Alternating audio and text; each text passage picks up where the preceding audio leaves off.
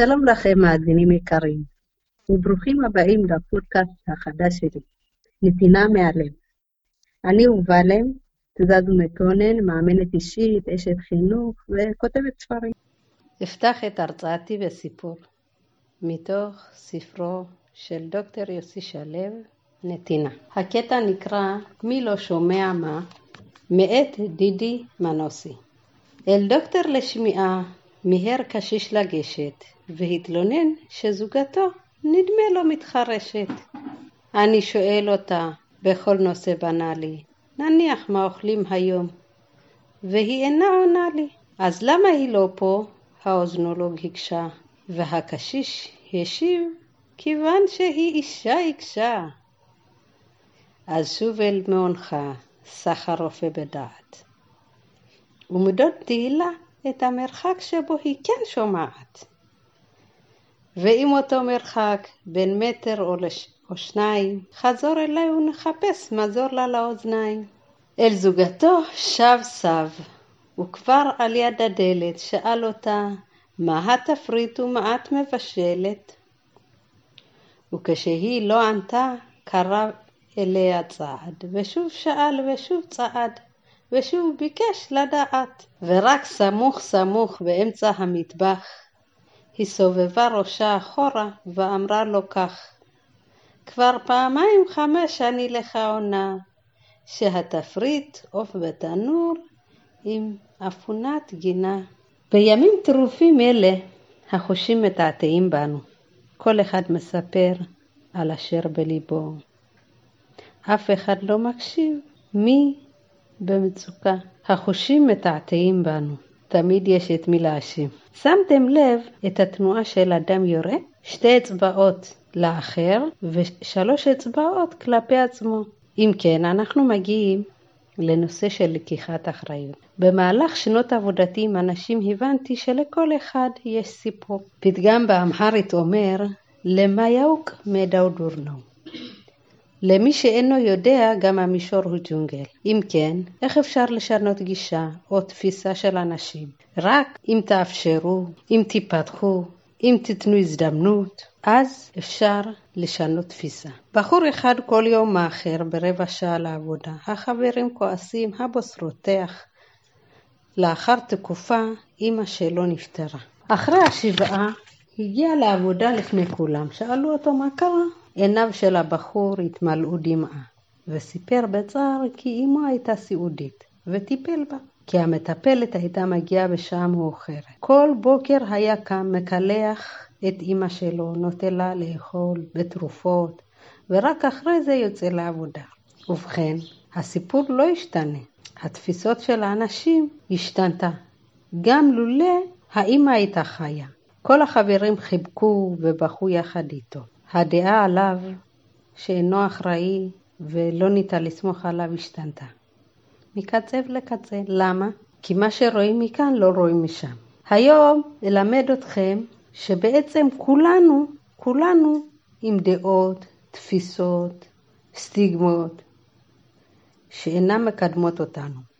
וזה בעצם גורם לנו להיתקע, להילחם, להתווכח, ברגע שנאפשר לעצמנו לשנות תפיסה שאינה מקדמת אותנו, נוכל להיות במקום טוב יותר. כי אנחנו בסופו של דבר רקמה אנושית אחת. ויקטור פרנקל, בספרו האדם מחפש משמעות, מספר לנו קטעים מאוד, בקטעים מאוד מאוד חשובים בספרו על משמעות החיים. הוא מספר על החוויות במחנות הריכוז. מה שהיה דרוש באמת היה שינוי יסודי ביחסנו אל החיים. צריכים היינו ללמוד בעצמנו וללמד את האנשים המיואשים, כי בעצם לא הייתה חשיבות למה שאנחנו קיווינו לקבל מן החיים, אלא למה שביקשו החיים לקבל מאיתנו. צריכים היינו לחדול מלשאול לפשר החיים, ותחת זאת לראות את עצמנו כנשאלים על ידי החיים, יום יום, שעה שעה.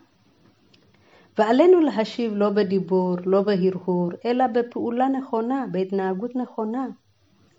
חיים פירושם בסופו של דבר נטילת אחריות למציאת תשובה נכונה על בעיותיו של האדם, וקיום התפקידים שבהם מעמידים בלי חרף לפני כל אחד ואחד מאיתנו. ויקטור פרנקל אומר שכל אדם צריך למצוא משמעות. איזה למה להיות למענו, כדי שנוכל לשאת כל איך. באחד הפרקים שלו אומר, אנחנו צריכים לדעת שיש שני גזעי אדם בעולם, גזע האדם ההגון וגזע האדם שאינו הגון. אפשר למצוא את שני אלה בכל מקום ומקום. חודרים הם לכל שדרות החברה. שום חבורה של בני אדם אינה כולה אנשים הגונים, או כולה אנשים לא הגונים. מבחינה זו שום קבוצה אינה טהורת גזע, ולכן אפשר היה למצוא לפעמים אדם הגון בין זקפי המחנה. החיים במחנה הריכוז חשפו את נפש האדם וגילו את מעמקיה, כי במעמקים אלה מצאנו רק תכונות אנושיות, שמעצם טבען נתערבבו בהן הטוב והרע, ולמעמקים אלה נראה אפילו בקרקעית התהום שנפערה על ידי מחנה הריכוז. אפילו במצבים הכי קשים, הכי חשוכים, הכי שחורים, הכי אה, מורכבים ומאתגרים, ניתן למצוא את האור בקצה המנהרה. לסיכום, אם אנחנו, כל אחד מאיתנו, ניקח אחריות ונמצא משמעות אמיתית להימצאותנו בחיים האלה, נוכל לשנות את התפיסות שאינן משרתות אותנו, ובמקומם ליצור תפיסות אחרות, מקדמות, מצמיחות, מחברות, מקרבות. במקום לחפש את החומר, את משהו שהוא בר חלוף, את הדברים הפחות משמעותיים, ונמצא משמעות, נמצא את הרוח, את הערכי בחיים שלנו, וניצור רקמה אנושית יפה, צבעונית, מגוונת ועשירה, שיכולה להיות עם כל השונות בהרמוניה. ובנימה אופטימית זו, אני רוצה לספר לכם, גם אם אני אכתוב עשרות ספרים, לעולם לעולם לא אמצה את כל הסיפורים של החיים. אפילו מילים ממעטים לתאר את מה שבאמת אנחנו כבני אדם עוברים. יחד עם זאת, מקטינים את האתגרים, מעצימים את ההצלחות שבונות, שמקדמות אותנו, ומחפשים את הנושאים המשותפים והמקרבים בין בני אדם. אחד הערכים שמקרבים זה נתינה ואהבה. וברגע שבן אדם הוא במקום של נתינה ואהבה, הוא יכול לוותר, להתעלות ולהתנהל על פי הבוגר שבתוכו. בהזדמנות זו אני רוצה להתייחס למה שקורה לאחרונה בארצנו הקטנה. אף אחד לא יכול להתכחש שיש גזענות, וזה לא מנקודת נחיתות או פחיתות כבוד. זה קיים בכל מקום, בכל תחום. אני חוויתי על בשרי, ילדיי חווים על בשרם יום-יום, שעה-שעה. מצד שני, בתפיסה, במחשבה שלנו, אנחנו חזקים, אנחנו טובים מאוד, כמו כולם, ובתחומים אחר, אפילו קצת יותר. ומהמקום החזק שלי, רק לסבר לכם את האוזן, כל החיים עבדתי ועובדת קשה כדי להיות בין הטובים בכל תחום. כילדה חוויתי גזענות. בהרבה מקומות עבודה, גם כשהייתי הכי טובה, לא זכיתי לקבל את המשרה. בשנתיים האחרונות הגשתי קרוב ל-20-30 מכרזים של ניהול בית ספר. אני עומדת בכל הקריטריונים, ולצערי, טרם הפכתי להיות מנהלת בית ספר. הילדים שלי במערכות החינוך חווים גזענות. הרבה פעמים מקטינים את הכוחות שלנו, את הכישורים שלנו, ובשביל, ובשביל זה צריך דמות משמעותית שתאמין, תלווה, תתמוך, תגבה את הילדים, את הנערים שלנו בקהילה. כתוצאה מהחוויות שהילדה שלי עברה, כתבתי את הספר של ילדה כהילדה בהירה. אני שם מגוללת את סיפורה הקשה, ומצד שני, אני נותנת לה את הכלים להתמודד ולצלוח את המצב ביתר קלות. החיים שלנו בישראל מאתגרים, יום-יום, שעה-שעה. כמו שבשיר של אהוד בנאי אומר, גם בארץ האבות נמשכת הגלות. זו התחושה, שעדיין לא מצאנו את המקום הראוי לנו על הדרך הקשה שעשינו ואנחנו עושים בכל תחום, ומוכיחים יום-יום, שעה-שעה, כמה אנחנו מוצלחים וטובים. ילדים, נערים מהקהילה מבקשים שייכות. להיות שווי זכויות כמו שהם שווי חובות. הילדים האלה לא תמיד נראים. הם רוצים ומבקשים שיראו אותם, את הכוחות שלהם, את הכישורים שלהם. ליצור אצלם חלומות ומשמעות כדי שהם ירגישו חלק מעם ישראל וייצרו עתיד ראוי יותר. הילדים האלה חווים דחייה במועדונים, דחייה במערכת החינוך, דחייה במקומות עבודה, והם נולדו פה. הם ישראלים לכל דבר, רק שיש כאלה שבכל זאת מזכירים להם מאיפה באו.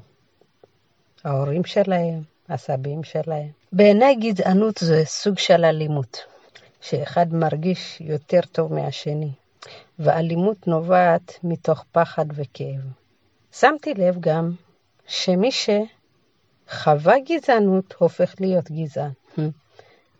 תמוה מאוד. מי שסבל גורם סבל. במקום לפתח אמפתיה, במקום לחזק, אני מאמינה שגם השוטרים פועלים מתוך פחד. לא תמיד מפעילים שיקול דעת.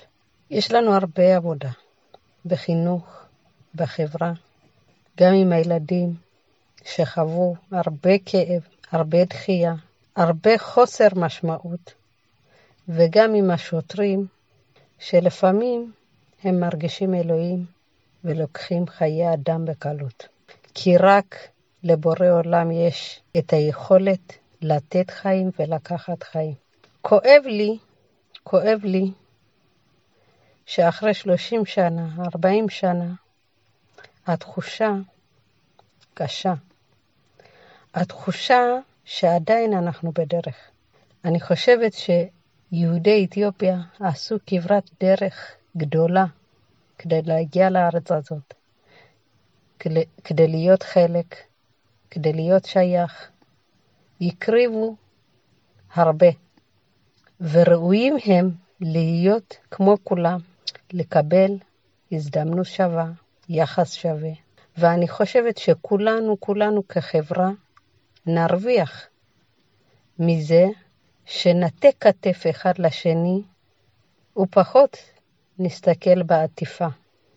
יש לכל אחד מאיתנו בחברה הישראלית הרבה עבודה, ובטוחה אני שאם כולנו נרצה, נוכל להיות אור לגויים. עד לפעם הבאה, שיהיה לכם המשך יום נפלא. שוב, ובלם תזזו, אשת חינוך, מאמנת אישית וכותבת ספרים.